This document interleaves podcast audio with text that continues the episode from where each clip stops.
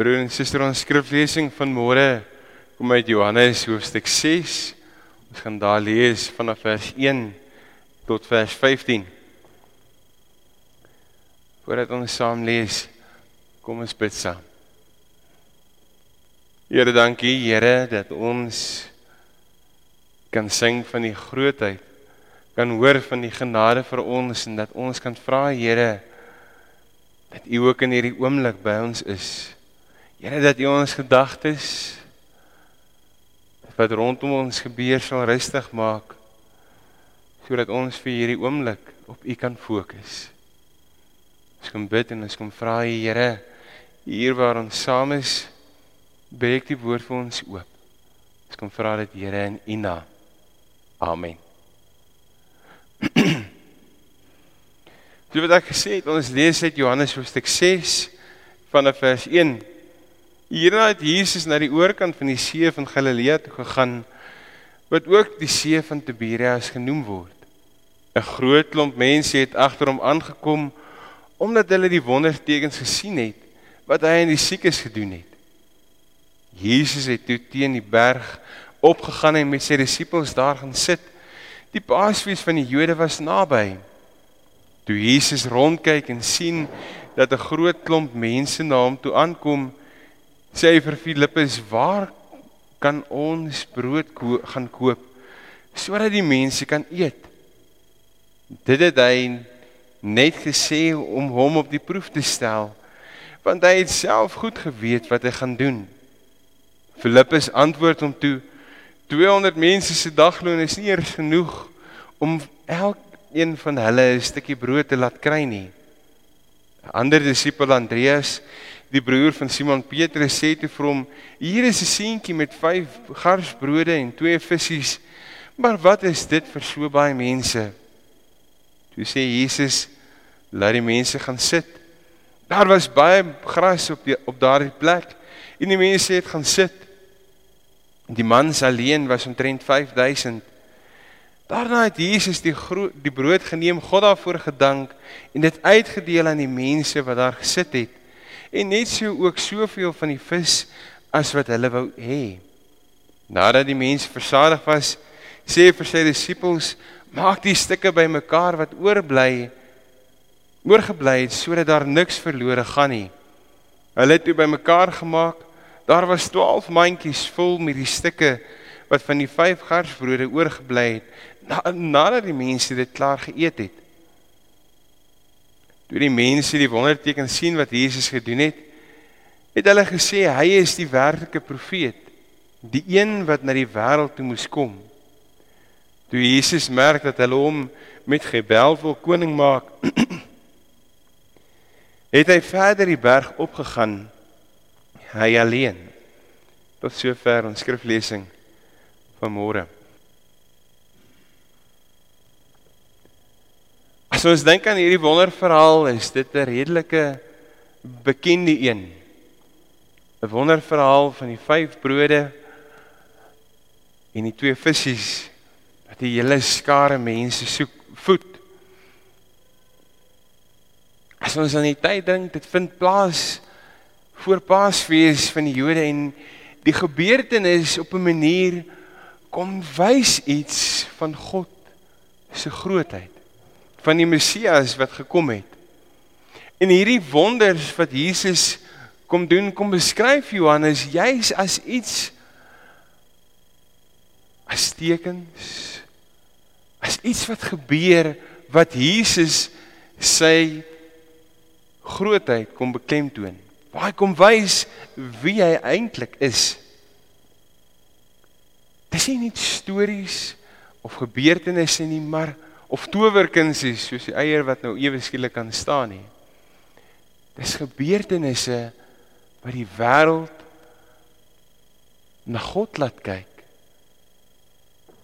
en sien dat hy teenwoordig is. In Johannes 6 sien ons hoe hierdie voeding van die skare eintlik ongelooflik groot is. En hoe God op 'n unieke manier vir hierdie skare kom kos gee. Nou as ons so 'n bietjie dink aan aan die plek waar dit afspeel, Galilea. Galilea was in die tyd van wat hierdie gebeurtenisse afspeel volgens die argiewe so om en by 40000 mense sterk gewees. Nou as ons vat daar was 5000 mans, kom ons sê elkeen het was getroud gewees en elkeen het sy kinders saamgevat. Dan werk jy amper op die helfte van die bevolking wat agter Jesus aangegaan het en daar gaan sit het om te hoor wat Jesus vir hulle sê. Wat Jesus vir hulle wil sê. En Jesus draai na Filippe en hy sê vir hom Filippus waar gaan ons vir hierdie mense kos kry? In 'n oomblik van stilte daaroor ou Filippus neer dink ek Hy sê ag die reaksie is eintlik maar dit is onmoontlik. Hoe gaan ons vir hierdie mense kos gee? Dit is amper dis ja. Dit gaan nie werk nie. Daar gaan nie 'n kafee wees wat genoeg kos het om vir almal te kan kos gee nie. As hulle halwe jaar se geld vat om vir al hierdie mense kos te gaan koop.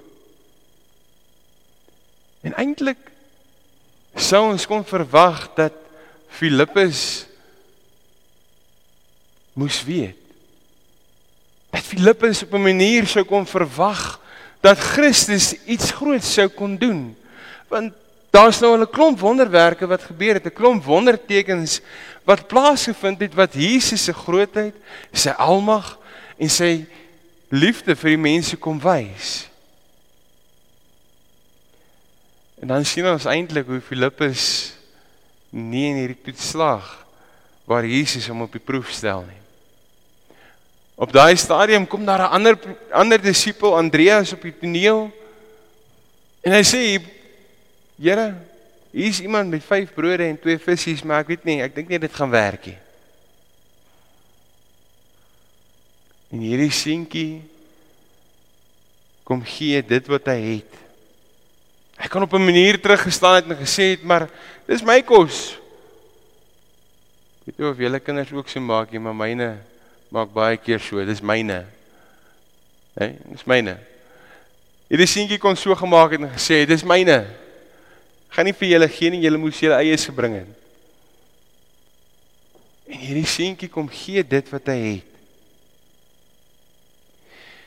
Is dit tog seker so maklik in ons eie lewe om wat ons nie in staat is om te doen nie. Juist dit ons weerhou om te doen wat ons kan.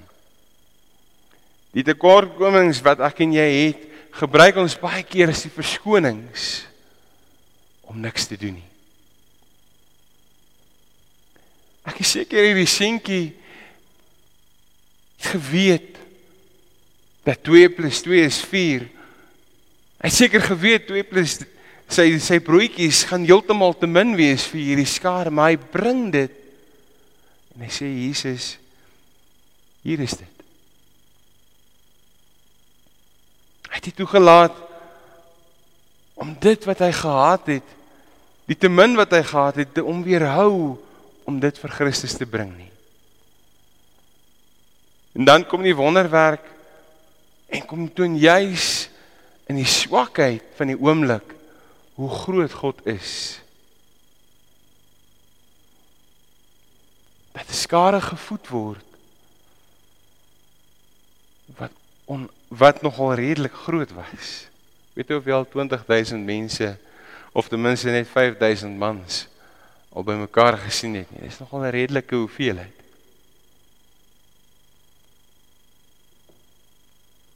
Ons sien hoe Jesus hierdie skare kom voed en hulle ewe skielik agterkom, maar hier het iets gebeur. Hier het iets in ons midde plaasgevind wat ons nie heeltemal seker is hoe dit gebeur het nie. So ons dink aan Paulus se woorde dan sê hy die Here vir Paulus my genade is vir jou genoeg. My krag kom juis tot werking wanneer jy swak is. Ons sien in hierdie verhaal in hierdie wonderwerk wat Jesus kom doen het die voorbeeld van God wat op die toneel verskyn. Wanneer ons in ons swakheid sê, maar Here, hier is ek.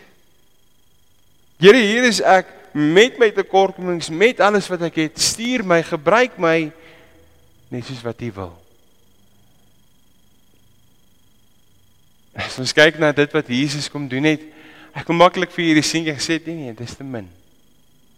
Maar hy sê vir hierdie seentjie, hy vat die brood en hy dank God daarvoor en dit word dit word verdeel. En daar's genoeg. Die interessante deel vir my is dat toe Jesus sy disippels se geloof nie in staat was om te glo nie, om God te sien nie, om God raak te vat nie, het Jesus juis die grootheid van God in hulle midde kom sit. Toe hulle swak was, het Jesus was Jesus was Christus sterk.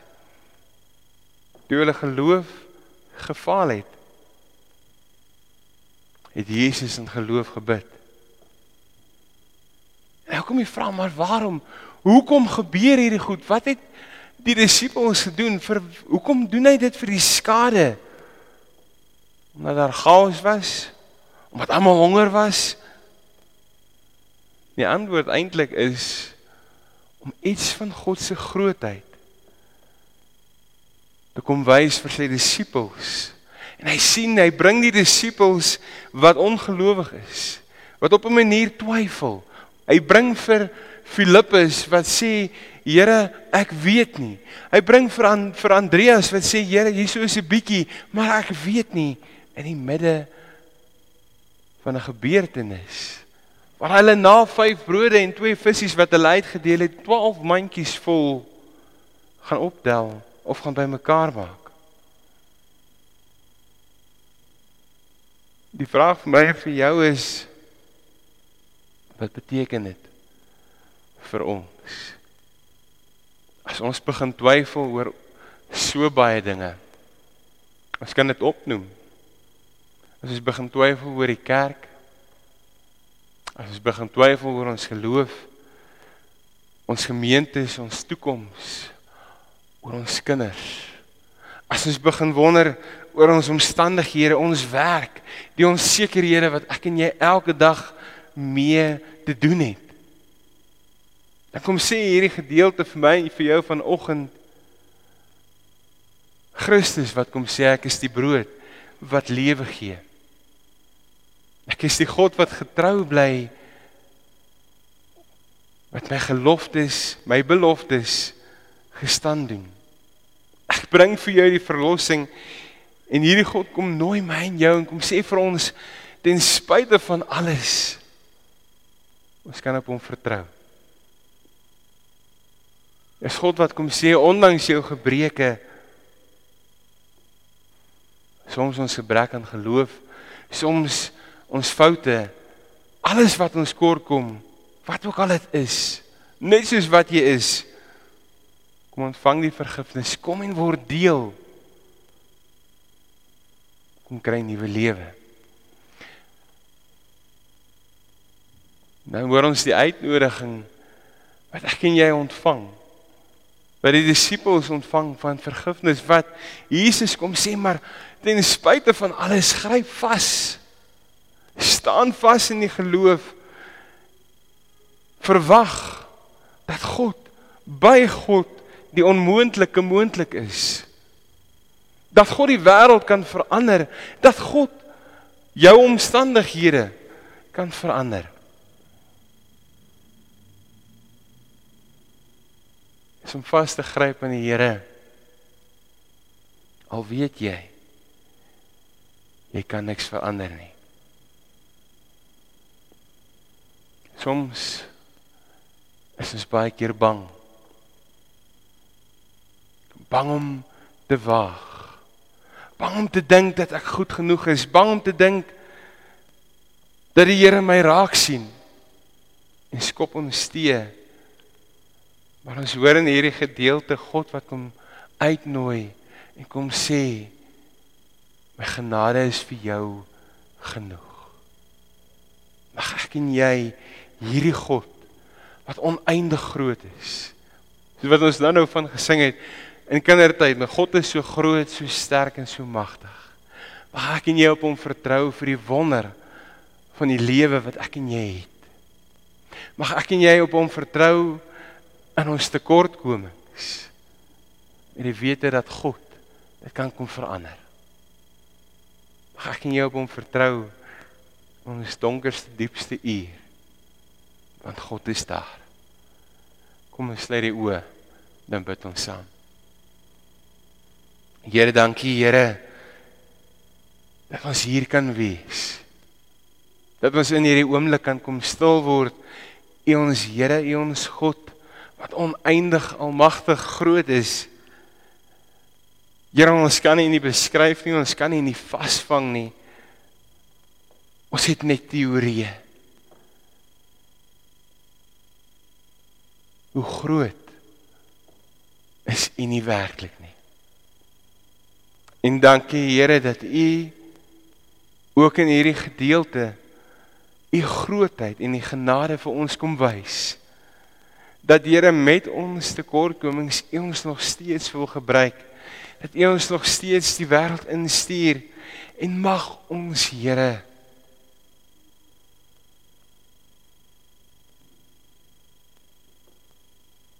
ons in staat stel om U te volg. Maak nie saak wat ons terughou nie. Maak nie saak hoe min ons het of die verskonings wat ons het nie, Here. Mag ons agter U aangaan. Daar waar U ons wil stuur, daar waar U ons wil gebruik. Ons kom bid dit en ons kom vra dit, Here, in U naam. Amen. Broer en suster, ek gee geleentheid